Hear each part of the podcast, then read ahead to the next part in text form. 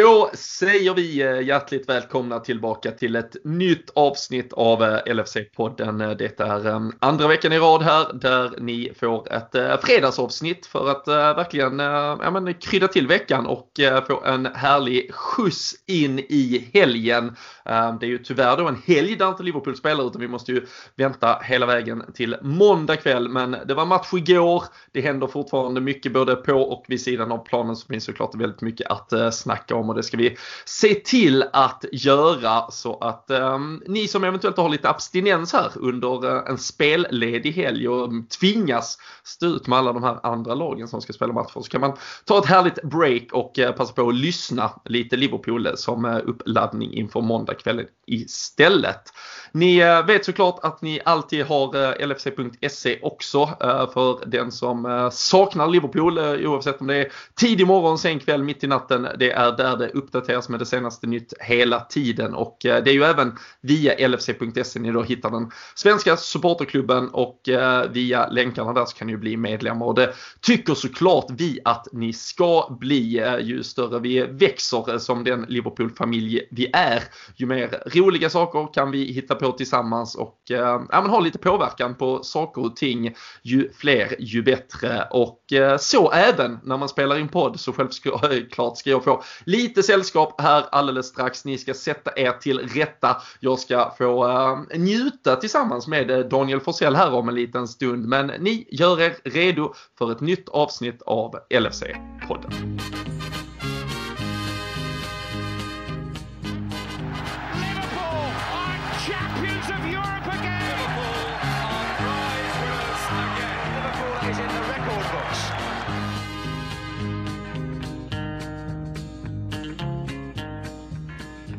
Jajamensan! Det är eh, fredag eftermiddag, man har eh, svung in mot helgen och plötsligt får man sitta och prata Liverpool med Daniel Forsell. Då eh, mår man bra. Jag hoppas att du mår lika bra i eh, Borås Ja, men det gör man. Vi brukar ju sitta och spela in på eh, måndagskvällarna. Det är ju liksom standardavsnittet om man säger så. Och det är klart att eh, fredag eftermiddag går man eh, lite mer svung som du valde att kalla det, är det ju faktiskt på fredag eftermiddag än vad det är på måndagskvällen där. Så eh, nej, absolut, även om nu vi får vänta som sagt på att Liverpool ska spela match så eh, nej, det finns väl mycket att se fram emot ändå. Och så eh, ja, men lite med gårdagen fick man ju ändå lite, även om det är ligacup så får man ju ändå en, en match till eh, handlingarna om man säger så. Man får kika lite och det är ju faktiskt rätt eh, kul numera att kika på våra ligacupmatcher och det är liksom spännande prospect snarare än eh, trötta avdankade spelare som bara ska luftas eller sådär. Så eh, nej, det finns väl lite att, att lyfta kring det också. Så, så läget är väl nej, bättre än någonsin med full pott så här långt. Ja, underbart att höra. Vi ska ju såklart prata om eh, gårdagen. Eh, vi ska väl eh, snacka upp Arsenal lite också men och vi ska ta lite saker dessförinnan. Men bara en kort reflektion, snabb reflektion där just från gårdagen. Och när du nämner då att det är kanske ja, men, roligare än någonsin att, att se Liverpool även i ja, men även i det formatet spela fotboll. Så Klopp sa ju till exempel idag också på sin presskonferens att även om vi inte hade haft Liverpool-tröjor, nu hade vi ju visserligen den här märkliga andra tröjan så det var kanske inte någon som visste att det var Liverpool som spelade eh, vissa stunder. Men han sa ju det, även om det inte hade varit Liverpool-tröjor på de här killarna så hade han faktiskt sett att det var Liverpool. Och eh, det tycker jag är liksom kanske det mest talande just för att för den typen av match vi fick se igår och även om det är då en helt i stort sett utbytt startelva. Och också med tanke på att faktiskt Manchester City spelar ju samtidigt och eh, det kändes lite som det var ombytta roller. Vi ställde ju trots allt upp med ja, men bara reserver men det var ändå ganska mycket etablerade, alltså det är stora bra spelare. Eh, medan då Manchester City var det laget som kanske när de då skulle växla ut en hel startelva var det plötsligt 5-6 spelare man, ja, i alla fall som den liksom normala fotbollssporten aldrig hade hört talas om. Det är verkligen ungdomar. Så som vi tvingades göra lite för ett par år sedan. Jag vet inte om du reflekterar eller reagerar över det också men ändå ett nytt Liverpool även liksom i det här sammanhanget.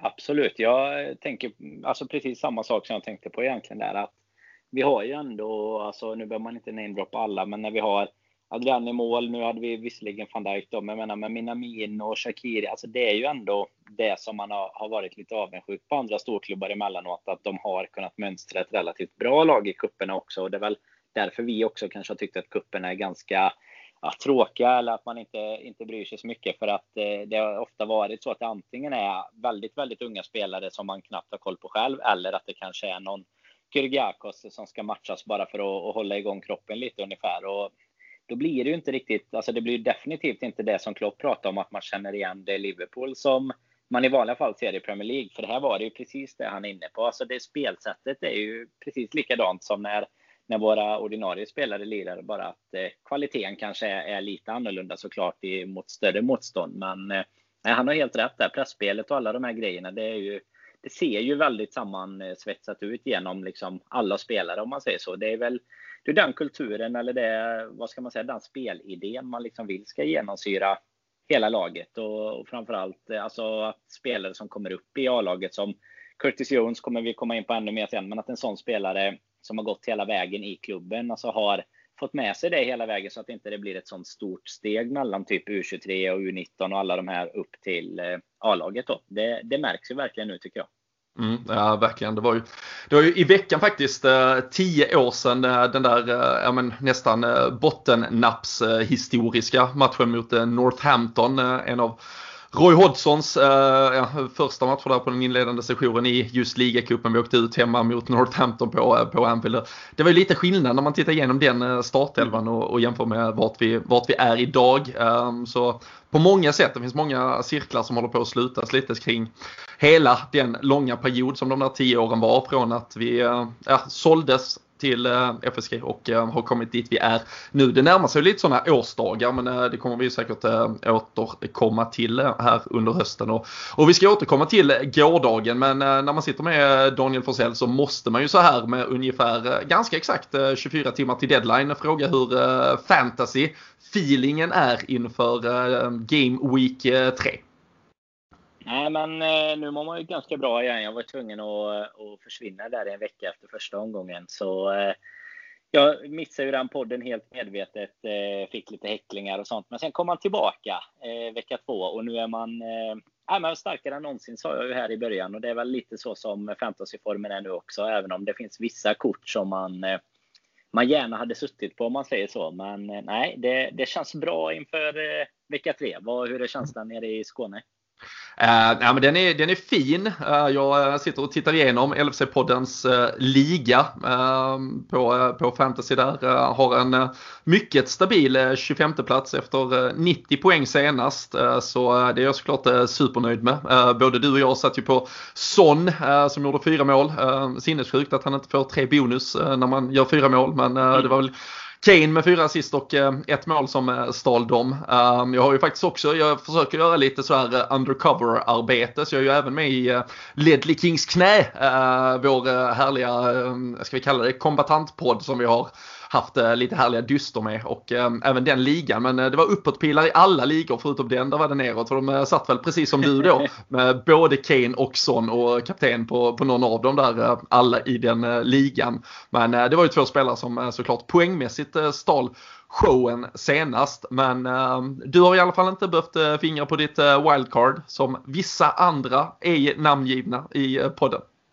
Nej, jag vet ju att eh, vissa har gjort det. Det finns säkert andra i poddligan som har gjort det också. Men eh, nej, där eh, går väl gränsen någonstans. Så första omgången var inte bra, men eh, framförallt den här säsongen. Jag brukar ju ha ganska bra tålamod med det, men denna säsongen skulle jag nog säga att det är kanske är ännu viktigare att ha tålamod tack vare alla eller på grund av får man ju kalla det om alla eh, corona och allt som kan hända, uppskjutna matcher och dubbla game weeks och vi liksom fick ju det redan i omgång ett där, så att nej, jag skulle nog eh, inte fingra på det. Men eh, den ej namngivna Jocke Lundberg drog ju sitt och jag menar, det gick inte så jäkla bra. Så eh, nej, jag vet inte. Det, det behöver inte alltid innebära en bättre omgång. Det har ju han bevisat i alla fall.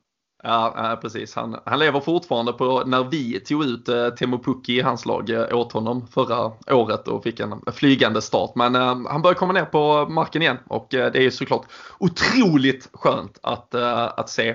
Och eh, vi hoppas att han, han håller sig långt bak där så att man inte riktigt orkar bläddra fram hans lag i poddligan. Ehm, vi har ja, men många riktigt, riktigt starka lag måste jag säga.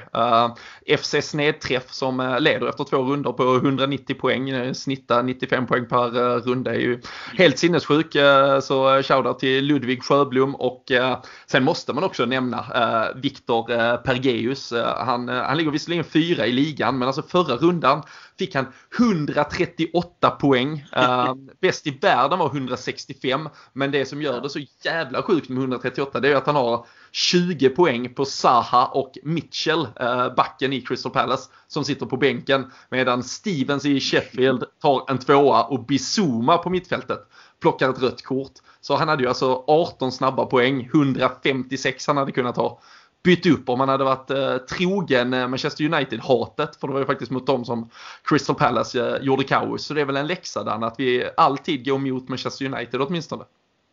Ja, jag eh, har ju flaggat det lite för er här internt att eh, Brighton, eh, Ryan, han är spikad i mitt mål. Så mycket kan vi säga inför de som hinner lyssna innan deadline här nu. Det är Brighton mot United. Det finns det även bjudodds på diverse sidor om man gillar att spela eller att bara ha, ha lite extra krydda till matcherna. Så nej, det var ju ett sorgligt lag. Det ska vi alltid ta tillfället i akt och, och prata lite om när man kan också. Det var ju eh, helt otroligt. Man, de har ju fått en sån uppstuds liksom efter corona och så här Bruno Fernandes, eh, världens bästa spelare gånger tre ungefär och så och så hände det liksom. Det var ju eh, hemma mot Pallas i första matchen. Nej, oerhört härligt att få den kryddan på lördagskvällen där förra veckan. Ja, ja, verkligen. Det var väl ingen av dem där, om det var eh, Fernandes, eh, Martial och Rashford tillsammans tror jag hade ett enda avslut eh, mot mål. Det, ja, det är alltid, alltid något att bygga vidare på för Ole Gunnar. Ja, men det är ju härligt. Ja, vi har ju fått lära oss det med åren att det alltid härligt. Nu är vi ju liksom eh, ovanför dem i the pecking order om man säger så. Men man, det ligger så djupt inpräntat i ens DNA att man måste liksom håna det lite varje gång det händer. Så, Oavsett hur långt ner de hade varit. Exakt. Nej, så är det verkligen. Vi, eh, vi passar på. Vi njuter över, av varje sekund vi kan göra det. Och eh, nej, men, eh, ni ska ju såklart ta era fantasylag på allvar. Sköt sköta om dem så att de klättrar i poddligan. Vi, vi hoppas ni är med där. Och Sam Dodds kommer ju såklart att skjuta till med lite roliga priser. några etapppriser längs resans gång. Och sen såklart avslutar vi med något riktigt kul till någon vinnare där på slutet också. Och de fortsätter ju såklart att eh, sponsra våra små tipströjtävlingar eh, varje vecka. Tyvärr ingen som hade 7-2 igår. Vi hade faktiskt 7-1 och 6-2 båda med Ori och det hade det ju inte gått. Jag kunde liksom inte göra någon avvägning och rättning på vad som var rätt eller fel. Och vi har egentligen en princip att i alla fall rätt resultat ska sitta. Eh, men viss besvikelse att inte oraklet hade klivit in där och löst det. Ja, jag var ju inte med inför det, så jag hade kanske sagt det. Man vet ju inte. Men eh, nej, den, eh, det var väl speciellt. Jag tyckte det var rätt härligt om vi kommer in lite på matchen här nu innan med att eh, alltså, man har inte blivit bortskämd med det i de här cupmatcherna tycker inte jag. Det är ju det är ofta rätt tråkigt. Alltså man ser så här Lincoln borta, då tänker man att ibland blir det ju bara någon liten gnetning fram till 1-2-0 eller 2-1 eller någonting. Men det är ju ändå härligt när det är en sån typ av match att det blir lite målkalas och vissa spelare får glansa lite extra och så. Det är ju lite som vi pratade om där i början. Det är så man vill ha det. Man ska kunna ha sina reserver som, som visar att de är hungriga och vill in i laget helt enkelt. Inte bara att det liksom blir en ja, någon som redan vet att de är så långt ifrån att de knappt orkar eh, spela för tröjan egentligen. Och, eh, nej, det är bra start för nya tröjan där också. Ja, nej, eh, verkligen. Och, eh, ja, men vi kan väl ta oss lite till eh, händelserna igår och jag tycker också, jag tycker du är inne på något, alltså det jag kände var liksom en, stor skillnad, det som ofta kanske är det som föranleder att det blir sådär, det blir bara 1-0 eller 2-1 eller något, något märkligt, ja, ibland tvingas det fram något jävla omspel. Det är ju för att du kanske behöver spela med en mix av alltså, ordinarie spelare som känner att vad fan är detta jämfört med det jag brukar kunna spela. Och sen kanske att du då behöver slänga in juniorer som egentligen inte alls är redo för det. Och du får dessutom en jävligt stor nivåskillnad i dina bra spelare och dina ja, med all respekt då, dåliga spelare. Nu när man kan ställa upp med ett lag som, som det vi gjorde igår så får du kanske spelare som är, visst, 5-10% ifrån att vara liksom startelva bra, men där alla åtminstone är typ 90% tillräckligt bra. Och det, det gör ju att liksom allt du vill göra även lagmässigt och liksom sättet du vill spela på, formera dig, hur du vill attackera hur du vill försvara och så vidare eh, funkar på ett helt annat sätt eh, utifrån en liksom, enhet också. Så äh, det, var, det var verkligen kul att se och vi kan väl ta lite kort och framförallt bara få startelvan på pränt. Det var ju Adrian som klev in i målet. Stora överraskningen var väl egentligen att Virgil van Dijk återfanns i backlinjen. Han delade ansvaret där med Fabinho var sen halv halvlek eh, för att framförallt kanske då se till att eh, Rhys Williams i eh, mittförsvaret fick en, ja, men en stor, stark och beskedlig kollega bredvid sig. Men också att Kostas Tsivikas då fick spela med en ja, ordinarie mittback så att säga när han skolades in lite i vänsterbacksrollen. Neko Williams till höger, sen framåt då Curtis Jones, Marko Grujic, Shakiri, Minamino, Elliot, eh, Origi. Um, ja, men spännande lag och kul på pappret direkt man såg det kändes det som i alla fall. Absolut, det är ju det som är skillnaden som sagt. Alltså när man när man tittar på elvan där, det kommer ju lite mer än någon timme innan, och så känner man ändå att det är, eh, det, det, är liksom många spelare som man, det ska bli roligt att se och man vet ju att det är många som verkligen knackar på dörren till kanske, alltså startelvan är ju svårt att säga, men i alla fall och, och liksom vara den spelaren som roteras in lite som Curtis Jones gjorde i första matchen och, och så där. Så nej, absolut roligt och och få lite koll på dem. Och det är väl eh, flera av dem som verkligen eh, ja, kom ännu närmare om man säger så, även om det såklart. Eh, vi hade ju Jota också, ska vi säga, på bänken som kom in sen som mm. man också blev lite kittlad lite när man fick se honom där och, och, visste väl att han skulle få spela lite i alla fall. Och ingen Thiago, men det, det säger väl kanske någonting inför helgen istället, eller måndag nu då istället. Så nej, bra elva och många bra insatser, det tycker jag. Mm. Vi, eh, vi, kan väl egentligen ta det självklart eh, såklart eh, fantastiskt mål av Shadan Shakiri som dundrar upp frisparken där direkt, curlar in den i, i första krysset. Men sen är det ju det som får det att liksom eh, rinna iväg och det som verkligen eh, ja, men, punkterar matchen i stort sett efter, ja det har väl gått en dryg halvtimme i stort sett så har eh, Minamino gjort ett mål, Curtis Jones två, Minamino fyller på med ytterligare ett. de två var väl kanske matchens stora behållningar. Minamino går från klarhet till klarhet och Curtis Jones där Ja, där börjar man ju ifrågasätta vad fan det är för jävla supertalang vi, vi har på våra händer. För uh, han spelar ju också med ett sånt jävla lugn och ett sånt självförtroende. Han gör det med en sån självklarhet. Um, alltså, alla, ja, man har ju sett liksom Aubameyang göra den typen av avslut eh, här i början av säsongen i stort sett. Han pratas kanske som den bästa i världen. Curtis Jones han bara vänder upp, lägger in en visst lite hjälp och lite dåligt försvarsspel i vissa positioner och vissa situationer. Men, äh, ja, men det han gör, han är där ute just nu och äh, är fortfarande bara 19 år. Äh, det känns som att trots att vi har värvat en Thiago så kommer han vara en eh, mittfältare som faktiskt får en del chanser under den här säsongen.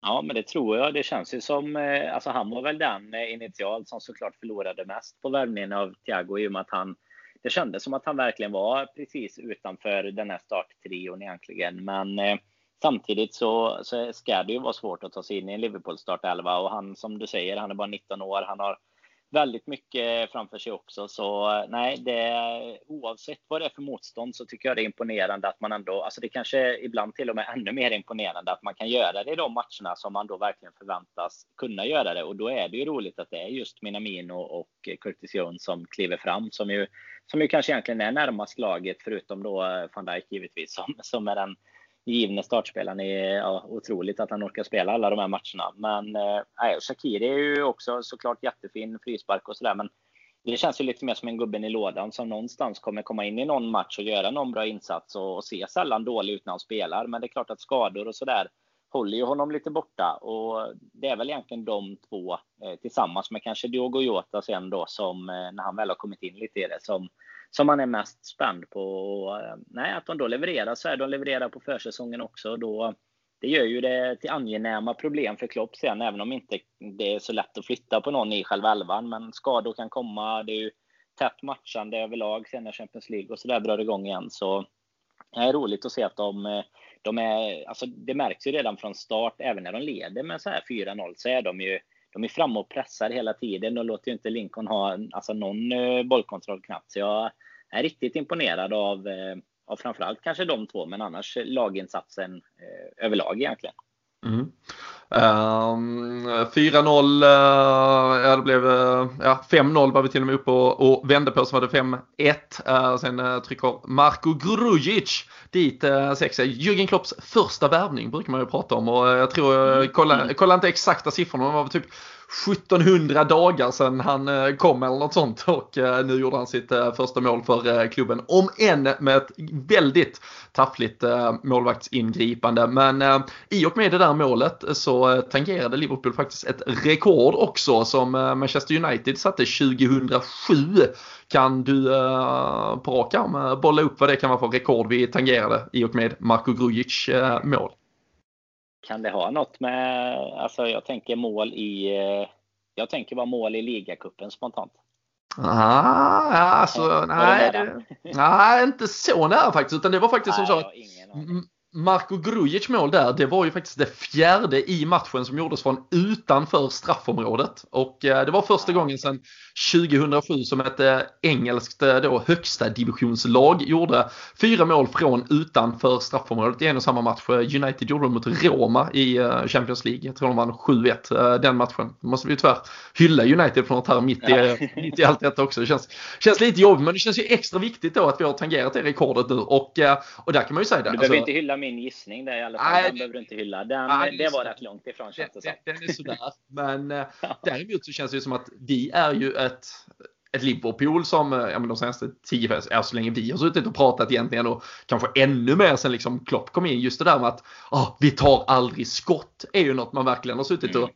suckat över ibland. Så, så det känns väl ja, men, smått komiskt men såklart också alltså, kul på ett seriöst sätt att vi har ett nytt sätt att uh, attackera en målbur. Sen om det var just något man hade tänkt på i förhållande till ah, den här målvakten eller om det var liksom menar, spelarnas egna initiativ. Men uh, att uh, trycka in fyra bollar från uh, utanför straffområdet är ju uppenbarligen historiskt bra till och med. Mm. Nej, det känns ju som att det ändå Alltså de senaste åren, nu är det väl för att det har gått så pass bra som det har gjort med, så det, det är ju inte så att man sitter och kanske letar problem på samma sätt, men det var ju det under kanske främst, alltså var det egentligen kanske Rodgers sista och Klopps första år där egentligen som, som man verkligen satt med de bitarna. Så det var ju ofta med, när Coutinho i stort sett var den enda som vågade ta avslut ett tag, kände man ju utanför straffområdet. Så eh, absolut, det var, det var väl kanske därefter. Så Suarez tog ju avslut på, på allt han kunde nosa sig fram egentligen, så det var väl kanske efter han lämnade och så en, ett par säsonger där som man verkligen tyckte det att vi alltid skulle spela oss in till eh, mållinjen i stort sett. Och Alltså vi har ju några Fabinho och sådär som har börjat och, och visa den vägen kanske lite mer nu. Så eh, ett rekord som vi ska, ska vara stolta över. Mm. Ja, verkligen.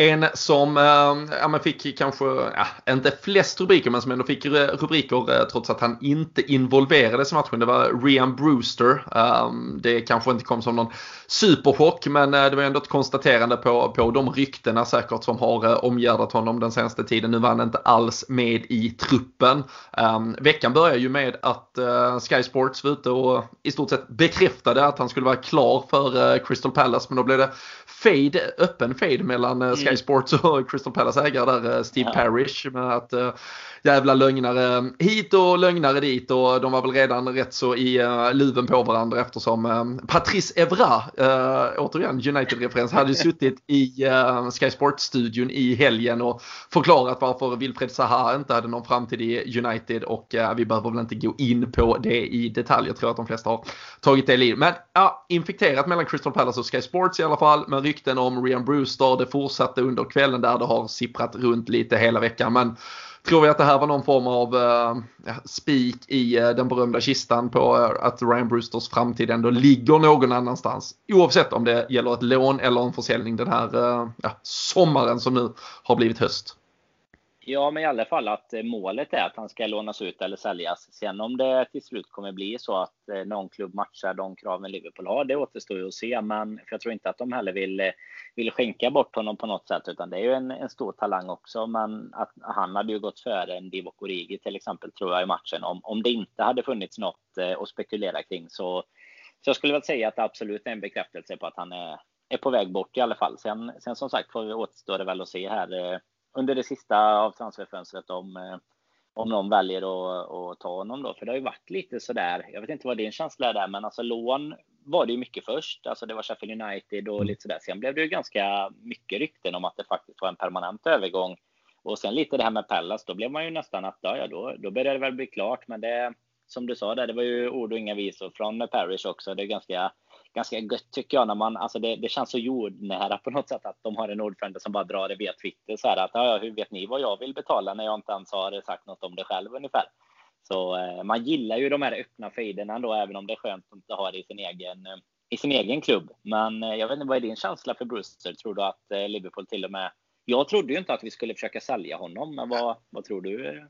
Nej, men jag, jag, tycker väl det har blivit allt mer uppe. Först var det ju inför Lincoln-matchen så var det ju eh, Pep Linders eh, som satt och eh, mötte pressen. Eh, sidospår så måste man väl återigen som alltid när han pratar, fy fan vad jag imponeras av honom mm. varje mm. jävla gång. Ja. Eh, tycker det utkristalliserar. Jag har absolut ingen aning ifall han vill vara en så att säga liksom, eh, ja, etta eh, och eh, huvudansvarig vad det lider. Men tycker han i alla fall står för allt som jag vill att en tränare som tränar mitt lag ska stå för i alla fall. Men vi lär väl prata mer om honom i, i andra sammanhang längre fram. Men Nej, men han sa ju tydligt att eh, ja, men vi kommer inte sitta här och prata om Ryan Brewster. Jag kommer inte säga någonting om hans eventuella involvering uh, mot Lincoln. Sen kommer han inte, eh, är med, ingen del då av truppen och eh, Klopp satt ju här då fredag förmiddag också och, och mötte lite då frågor baserat på att han inte fanns med i den där truppen eh, med egentligen bara konstaterandet att ja, men vi, vi kan inte sitta här och prata om det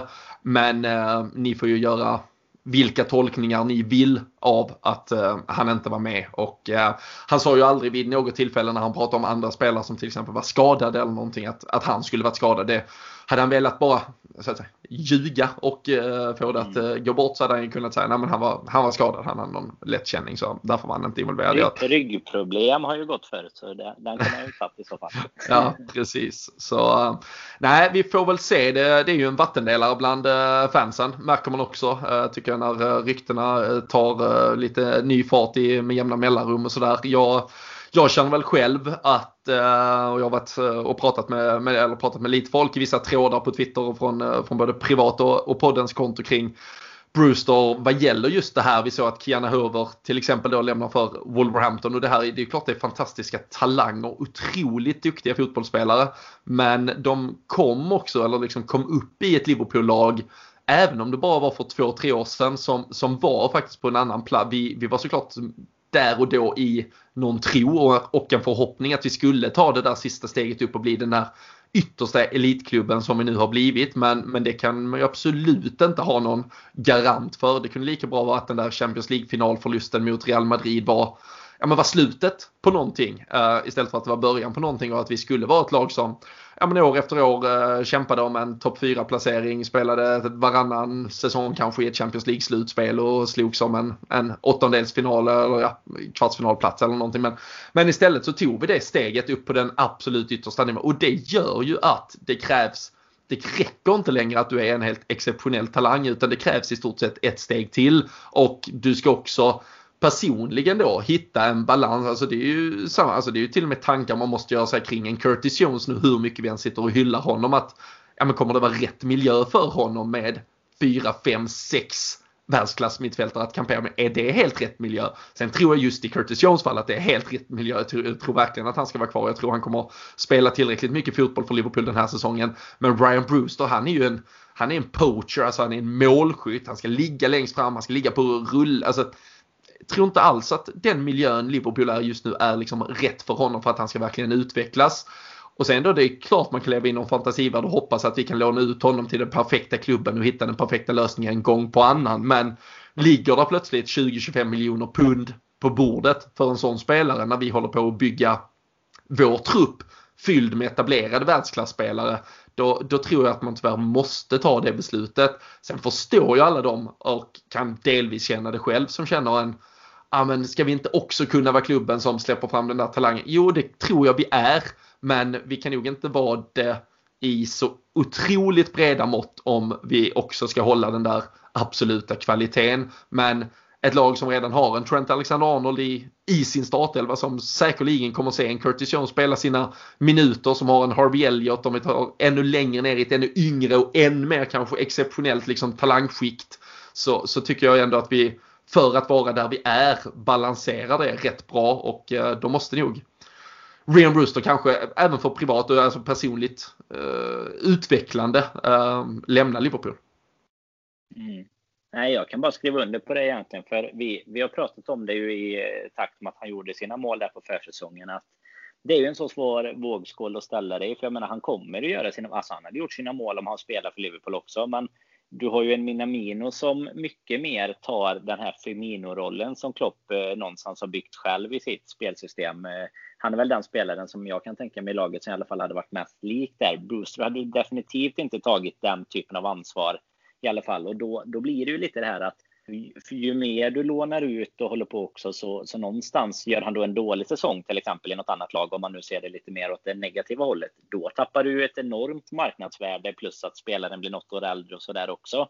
Så jag tror också att tyvärr, det är jättetråkigt att säga det, men man måste ju ta in hela den ekonomiska aspekten i det också. För jag menar, har vi har du en 20-25 miljoner, ja men då har du helt plötsligt i stort sett bytt bort honom mot en Thiago liksom. Alltså det går ju skulle man sätta de två mot varandra i början, då eh, tror jag inte att det finns någon som tycker att Brewster ska vara kvar. Och någonstans i FSGs tänk så finns ju hela det här med att mm. klubben ska vara välmående och sådär. Och då, då ligger det väl någonstans lite i korten att faktiskt ibland behöva göra sig av med talanger som man får ganska bra betalt för.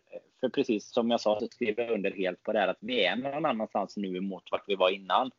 Vilket gör att Alltså när du, när du kom upp 2012 som en talang, då behöver du ju inte ens vara eh, på din, alltså bäst på din position i världen på något sätt för att nästan kunna fighta dig in i ett Liverpool-lag. Liksom. Men nu handlar det ju verkligen om att, alltså vi pratar ju om spelare som, som Minamino och de här som gör det jättebra, men ändå kommer det ha extremt svårt. För jag menar, vem flyttar du på i Liverpool-elvan? Thiago är ju en av de få spelarna som vi kunde värva som faktiskt går rakt in i en startelva. Alltså, annars finns det inte sådär jättemånga, alltså om du bortser från från ytterst, yttersta världsklassen, liksom Messi, Ronaldo och de här, även om de kommer till åren. Men det, det är liksom sådana värvningar som inte kommer ske. Så eh, nej, ja, det, det, är jättesvårt. Jag hade jättegärna alltid velat att alla talanger ska, ska få blomma ut i Liverpool med, men jag, man inser ju också någonstans att det kommer inte bli så. Eh, och då hade jag väl tyckt att det var helt okej okay att låta en Brewster lämna, även om eh, man såklart eh, nostalgiskt och sentimentalt hade gärna sett en utlåning. Han smäller in en 22 kassar för Sheffield United och sen är han ordinarie i Liverpool i 12 år sen. Men eh, verkligheten ser ju eh, tyvärr ofta lite annorlunda ut. Och precis som du var inne på med så får man väl ta hänsyn till vad det är för typ av spelare. Curtis Jones känns ju till exempel då mer som en Alltså han är ju mer formad i den här Liverpool-formen som vi har just nu jämfört med Brewster till exempel. Så eh, nej, det, vi får väl se vad som händer. Det handlar väl också mm. om att eh, lagen behöver väl ändå, jag tror som sagt inte som jag nämnde innan att vi kommer skänka bort honom på något sätt utan eh, i så fall ska vi nå ganska bra betalt för eh, jag menar han håller ju en jag tycker ju att han håller en absolut en sån klass att han skulle kunna gå in i ett Premier League-lag på på nedre halvan i alla fall. Jag menar om, om en Danny Ings kan göra succé i Southampton så, så tror jag att Brewster lika väl skulle kunna göra lika många kassar. Och i samband med avslutad snack om Brewster så kanske man ska reka att han ligger på 4,5 i, i fantasy. Om det nu är någon som Precis. vill eh, som, som sitter med sitt wildcard aktivt här inför deadline och, och väntar på att se vad som händer i, i mm. övergångsfönstret här. Ja, äh, till, till Sheffield United kanske då som, äh, där har vi ju en, eh, en mittfältare som äh, spelar anfallarna nu, nu i, i burken på topp. Också en äh, 4-5 i, i fantasy. Så det, nej men jag tycker alltså för att bara avsluta Brewster lånesnack och försäljning och så vidare så tycker jag det är bara att gå egentligen till, till Harry Wilson som, som vi sitter kvar med då istället nu i Liverpool som sitter på bänken hela hela matchen igår. Och, eh, och ska man vara helt ärlig där så, så tar han ju inte, alltså nu, nu finns det säkert en eh, verkligen alltså, utbredd plan där han ska lämna klubben denna detta fönstret eh, till, till slut nu här men eh, tittar man där så vi spottar med eh, Minamino, Origi, Shakiri, Harvey Elliott och delvis vi byter in Diogo Jota. Alltså så fast att inte vår fronttrio är med så får ju inte ens Harry Wilson plats att komma in i gårdagens match i stort sett. Och det, det är ju, så var det ju inte för två, tre år sedan uh, bara, utan då, då var verkligheten uh, en helt annan.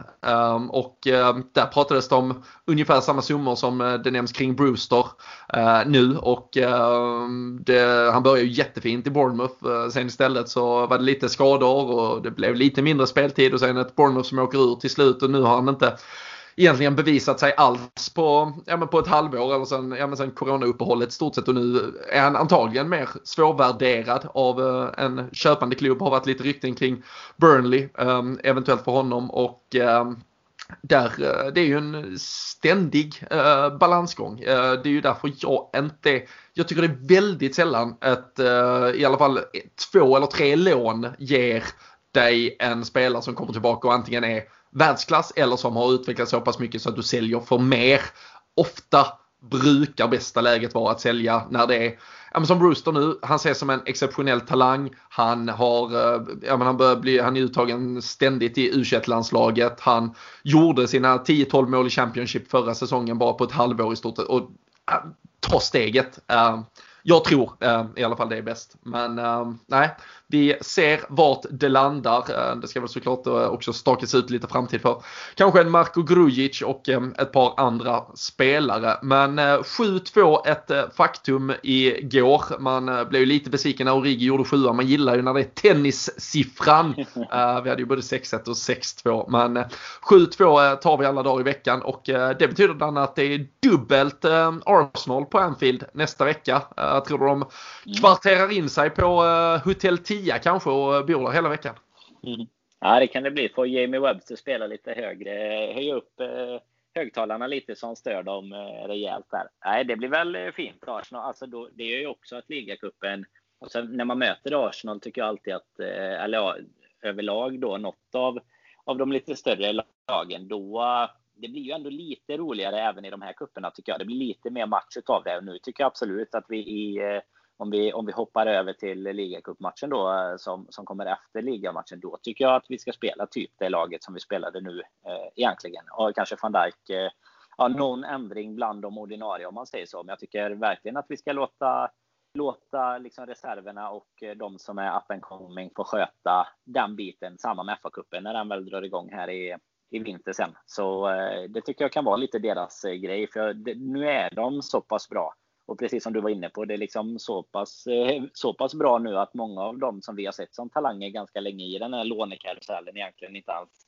får plats längre. Och det var väl egentligen Grujic jag var mest förvånad över kanske att han startade. Mm. Men jag vet inte, jag, jag ironiserar ju lite efteråt när han gjorde målet där att det var dags att starta faxen nu för nu kanske det var, var läge att få in något anbud där under, under matchen när han hade gjort mål och sådär. För det är ju vissa som man inte ser någon framtid för egentligen. Alltså, Grujic är ju efter en Curtis Jones och, och hela den biten. Så nej, det, vi får väl se vad som händer med dem helt enkelt. Eh, det är ju inte helt eh, slut på övergångsfönstret än. Men eh, nej, Arsenal, det, blir, det, det är alltid gött att möta Arsenal. Vi har ju lite revansch att utkräva nu också. Ja men verkligen. Och äh, vi ska inte gå för långt äh, händelserna där i, i förskrift. Vi kan väl bara konstatera snabbt på Marko Grujic att äh, James Milner skulle ju varit med i truppen. Äh, inget bekräftat huruvida han skulle ha startat eller inte men han drogs ur i slutskedet där med någon mindre känning. Kan ju ha varit att han skulle ha startat istället för Grujic. Vi vet inte mm. så mycket där. Men oavsett vad, kul att han fick sitt mål. och eh, jag tror väl också helt övertygad om att vi spelar ungefär typ exakt samma lag eh, då om eh, en vecka på torsdagen där mot eh, Arsenal. Den är ju spikad till torsdagen nu torsdag kväll och eh, att kanske däremot eh, van Dijk kan eh, slippa eh, spela den matchen och däremot att Joe Gomez kanske får sin debut eller comeback där. För eh, där pratar ju Klopp idag om att han eh, nyss är tillbaka i träning och ehm, det kan väl eh, föra oss till diskussioner kring en eventuell laguttagning till måndagsmatchen istället mot Arsenal i ligaspelet. Ehm, där ehm, sades också på dagens presskonferens att Joel Matip är out och Henderson är också out. så det gör ju oss lite ja, lite färre eh, val, både vad gäller eh, mittfältet och eh, mittbackspositionerna. Fabinho som eh, vikarierade med den äran mot eh, Chelsea såklart. Ehm, eh, hur tror du att eh, Klopp tänker och eh, resonerar inför måndagsmatchen? Thiago vilades ju helt också igår ska vi väl konstatera. Ja, men precis. Och jag hade väl egentligen tänkt mig att eh, jag skulle kunna se en Thiago som går in på mittfältet då istället när Henderson är borta. Och sen, eh, alltså Fabinho hade jag inte haft någonting emot att han hade, han hade fått fortsätta vikariera där bak. Eh, då Arsenal har ju absolut sin, alltså deras bästa lagdel är ju anfallet. Det är ju Aubameyang, Lacazette har ju fått in ett par bollar här i början av säsongen också. Nej, det, jag hade gärna sett att de eh, fick kampera ihop igen, eh, van Dijk och Fabinho. Och sen, eh, ja, som vanligt, om man säger så, resten av backlinjen och målvakt och längst fram såklart. Och så blir det ju ett mittfält då. I så fall så hade det blivit med Thiago, Wijnaldum och Keita då i så fall skulle man mm. kunna tänka sig. Sen är det ju, jag tycker att Keita fortfarande har en del att bevisa, men det blir väl det i, i detta läget i så fall om nu Fabinho fortsätter och, och spela mittback. För det är ju inte, jag tror inte ja, det, det, känns ju inte som att det är läge eh, att slänga in eh, Gomes tycker jag här heller. Då hade jag hellre väntat med honom till matchen efter sen, alltså ligacup-matchen då. Det, det känns som en rätt eh, lagom match att komma tillbaka i också. Det är så eh, jävla skönt att sitta tillsammans med dig för då behöver vi inte, vi behöver inte diskutera ens. Det bara sätter, sätter ord på allt jag tänker. Men, äh, men jag, jag förväntar mig, alltså nu har vi ju mött Arsenal redan, ja det blir två gånger sedan corona-uppehållet så att säga. Vi förlorade mot dem på Emirates. Det var ju vi som i stort sett, jag tror eh, Klopp sa på presskonferensen att vi, vi serverade den segern på ett fat till dem och eh, så var det ju verkligen och sen straffförlusten eh, då i Community Shield. Men nu är det ju två gånger om på Anfield och om vi fokuserar där på ligamötet så tror jag att det kommer vara ett ganska defensivt inriktat Arsenal som kommer till, till Anfield. De har ju lyckats ta två segrar inledningsvis. Tycker inte de har sett så jättebra ut. Det var många som ja, pratade upp dem lite efter att de hade slagit Fulham med 3-0 i eh, premiären. Men eh, det har vi väl kunnat konstatera sen att det är ju ett Fulham som är, ja, framförallt läcker de ju som ett såll och eh, mm. ja, saknar ju struktur och man får ju vibbar av 18-19 eh, när de var uppe senast och det kändes som att de kunde släppa in eh, 4-5 på, på allt möjligt. Sen, sen har de väl Mitrovic som trycker in en boll eller två men äh, ett, ett riktigt, riktigt dåligt Fulham. Och sen och sen mot West Ham förra helgen där. Det var ju riktiga kvällsmatchen då efter att United hade fått stryk. Det satt mig och kände att det nog kunde bli ett Arsenal som i stort sett också fick stryk för de, de såg ju inte bra ut mot West Ham och räddas ju av, det var väl Enketia till slut som gjorde 2-1 i, vad var det, 87 kanske typ. Så nej, ett, ja, nej men ett Arsenal som inte har imponerat jättemycket och jag tror att det blir någon form, de spelar ju någon form av 3 4-3-3-5-2, vad man nu vill exakt eh, kalla konstellationen. Men i stort sett en 5-4-1, 5-3-2 eh, kommer de väl ligga med i försvar i stort sett hela tiden. Och precis då som du eh, resonerar så, så tycker jag eftersom Gomes uppenbarligen ändå inte är 110 procent, alltså det är du ju aldrig efter att ja, han kommer väl hinna göra typ två träningar max innan matchen. Och eh, då är det bättre att vila honom och så ge han då eh, ligacupmatchen och eh, eventuellt då spela mot Aston Villa till helgen där efteråt. Men när Fabinho funkade så bra eh, tillsammans med eh, van Dijk så Behåll det på, på måndag kväll och eh, mot ett lag som lär stå ganska lågt så, så tror jag Thiago kan kan och han är ju, han är ju underskattad även som liksom eh, både bollvinnare i försvarsspelet och eh, även som jävligt, jävligt hårt jobbande. Eh, så det i tillägg till att han uppenbarligen har en passningsfot, det visste vi innan. vi visste det sannoliken efter 45 minuter mot Chelsea när han satte rekord direkt för antal passningar och Läste även att eh, la man ihop liksom offensiva passningsmetrar, alltså hur mycket han flyttar fram eh, boll i banan och så vidare. Så var det, ja, men det, är, det är på hiskela, hiskeliga eh, nivåer och eh, det, det kommer nog behövas eh, i den här typen av match. Så eh, det, det, känns ju som att in 11 det är, bara, det är bara att dra faxen kanske till eh, Klopp. Så, så får han ha den. Nej, men det är det ju. Och, och Thiago visade ju också på de 45 minuterna som du säger, alltså det, det som verkligen kan behövas i en sån här match, det är ju det man har önskat sig från Keita innan, att det kommer in en spelare som, som man alltså inte riktigt vet vad han ska göra. Det blir inte det här eh, när vi har haft Fabinho Henderson Wijnaldum som har ju oftast liksom gjort eh, och spelat med den äran så är det ändå så att det blir lite mer förutsägbart. Det finns inte riktigt de här insticken, de lite chipparna fram och sådär. Eh, och då, alltså det kommer ju, det man har hoppats att se det från Keita hela tiden, men det visar ju Thiago på bara den halvleken hur mycket han, alltså hur mycket lurigt han kan hitta på om man säger så. Det är ju exakt det jag tror också att vi kommer behöva på måndag, för jag förväntar mig också att Arsenal står lite lägre. Jag tycker att de har gjort det i alla matcher när de har mött oss, eh, alltså de senaste åren egentligen då under den tiden som vi har eh, alltså verkligen varit dominanta jämfört med dem. Vi har ju alltid haft mycket boll i de matcherna som vi har mött dem och, och den matchen eh, förra säsongen därefter, då hade vi ju redan säkrat ligan och så i och för sig, men det var ju ändå Alltså det var ju helt eh, sanslöst att vi inte vann den egentligen. Och mm. eh, lite samma kan man väl känna tycker jag i, i Community Shield. Att den, det, det, var väl lite mer jämnt än vad den matchen andra på Emirates var. Men eh, jag, jag tror, alltså min känsla är att vi kommer att Alltså lite som mot Chelsea, att nu när det är allvar och nu är det en riktig match och nu är vi igång. Så jag, jag tror att vi kommer ha väldigt mycket boll och, och mata mot dem. Och det kommer ju göra att de kommer spela mycket på Aubameyang och vem det nu är som spelar på andra kanten med om det är Pepe eller Saka eller någon med lite fart. Så eh, det är väl det vi kommer behöva hålla koll på egentligen. Eh, men, mm. men känslan är fin i alla fall. Ja, nej det har ju varit eh, framförallt på Anfield har det varit eh, målshower eh, utan dess like. Många gånger nu mot Arsenal här de senaste. Det ja, börjar väl egentligen redan där Brendan Rodgers säsongen 13-14 med urladdning och sen har det varit många och vi, det känns som vi ofta möter dem dessutom i det här tidiga skedet och har alltifrån 3-0 och 4-0 och, och allt möjligt. Så vi, vi hoppas väl på något sådant och jag vet ju att många fnular på om Mohamed Salah är kaptensmaterial återigen Eh, lite fantasy-tema har vi väl haft eh, genomgående här. Eh, vad tror du? Han börjar med tre mål i eh, premiären. Mané ville inte vara sämre även om man fick nöja sig med två mot Chelsea. Var tror du att man eventuellt ska sätta en poängintjänande bindel i Liverpool-offensiven?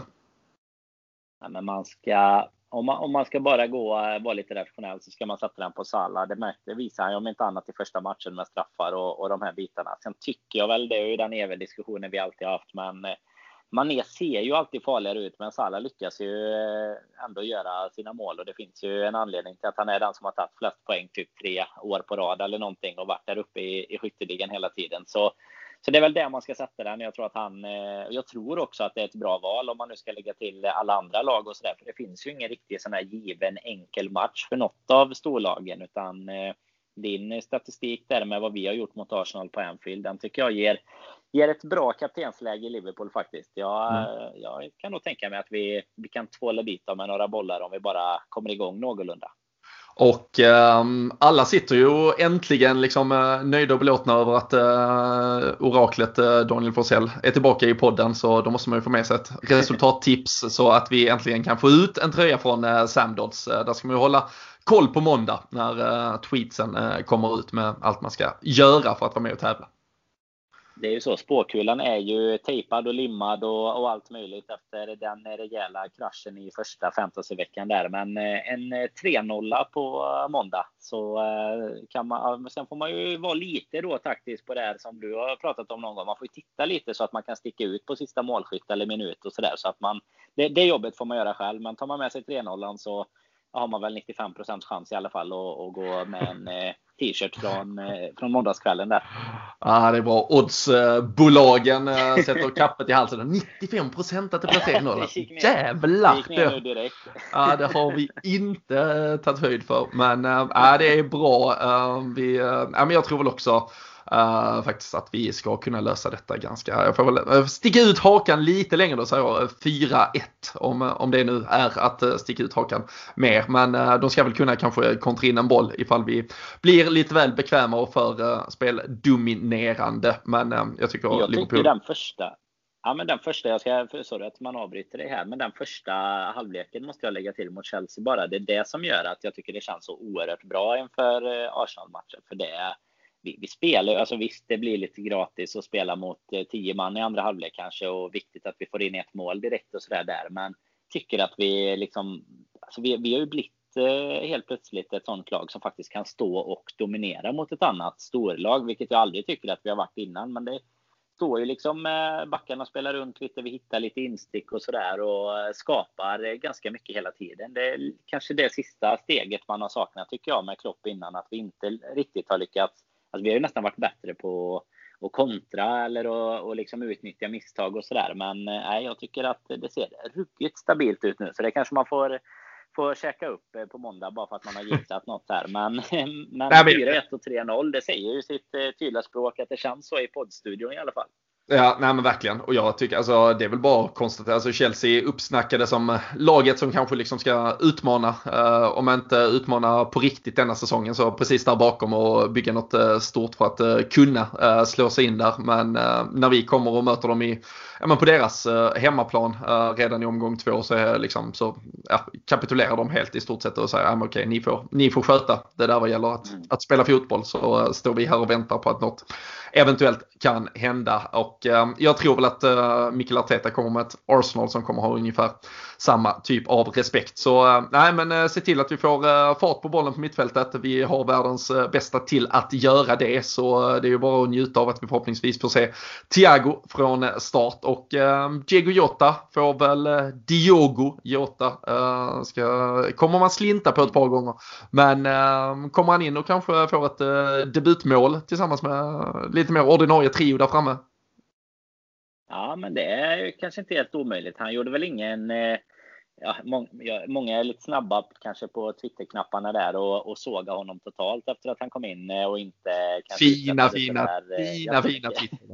Ja, ja det, det, går fort. Det 20 går fort minuter borta mot Lincoln. Nej, det är inte lönt. Ja, ja. Med, med 7-2 i ja. bagaget. Dessutom, ja. det stod väl, vi släppte in mål ganska snabbt när han kom in, så det var lite Jota-effekten där. Men nej, men ja, det hade ju varit kul om han kom in. Sen eh, vet jag inte riktigt hur han, om han står eh, först i kö där eller om det kanske Ja, alltså om man, eh, det är ju lite det här med spelsystem som kommer bli intressant nu med för att nu det känns som att vi har eh, lite mer alternativ nu för att om det är någonting som inte riktigt stämmer i vårt klassiska 4-3-3 så har vi det 4-2-3-1 och lite sånt att laborera med tycker jag. Och det är ju det är svinbra att det är så eh, så att vi, vi kan hitta på lite saker även om det det, det har också varit ett lite sånt problem som var framförallt i början med Klopp där när vi inte riktigt hade spelarmaterialet egentligen. Att det var svårt att, att liksom hitta på något nytt om det låste sig. Men eh, det är ju extremt smarta värvningar och och Jota, man, det kan bli en spännande gubbe. Man har ju haft lite fantasykoll på honom här i, i alla år och alltid blivit besviken. Så det är väl dags nu att han eh, kanske börjar leverera när han har fått en lite finare tröja här. Ja. ja, men verkligen. Vi, eh, vi ser fram emot eh, måndagskvällen. Eh, ni har hört våra tankar och det kommer såklart komma ut så ni kan vara med och tävla tillsammans med oss och Samdots där på måndagen. Och sen så flaggar vi upp redan här. Vi körde ju under, ja, men under våren när det tyvärr var uppehåll i fotbollen så körde vi ju lite ja, karantäns-tv på eh, supporterklubbens eh, Facebook-sida varje måndagkväll. Och eh, vad passar inte bättre än att liksom, eh, ja, men, återuppliva det konceptet lite när vi nu spelar match på måndag kväll. Eh, avsparken har flyttats till 21.00, det var 21.15 eh, pubregler i England. Vi ska inte gå in och diskutera på idiotin kring alla beslut som tas där borta av Boris Johnson. Men det gör ju att startelvan kommer att presenteras ungefär klockan åtta. Så då vill vi gärna att ni surfar in på supporterklubbens Facebook-sida. Vi kommer såklart länka ut så kommer att vi, eh, ja men vi kommer sitta, köra lite live-uppsnack. Eh, tanken är väl att vi börjar typ fem i åtta så vi tar emot startelvan eh, live tillsammans. Reagerar på den, snackar upp matchen. Man kanske har en härlig skål med lite chilinötter, något gott i glaset, eh, börjar göra sig liksom i match mode och eh, så ser vi om det där funkar bra och blir en eh, rolig grej på måndag så kanske det är något vi kommer att göra framöver inför andra matcher. Så var, var med oss på måndag kväll.